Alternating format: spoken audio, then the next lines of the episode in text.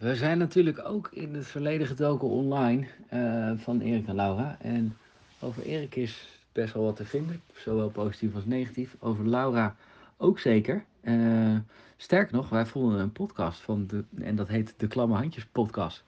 Dat is een sessie van een half uur. Uh, ja, ik moet toch zeggen, het is een leuke podcast. Het is een prima interview. En vooral Laura doet het goed. Maar de manier waarop ze het knippen en dergelijke, ik denk, nou, volgens mij zijn wij er als amateur podcastmaker beter in. Dus we hebben hem wel geheel erin geplakt. Het duurt een half uur. Je kan het misschien, als het niet meer heel interessant wordt, mag je ook skippen. Dan kun je in één keer door.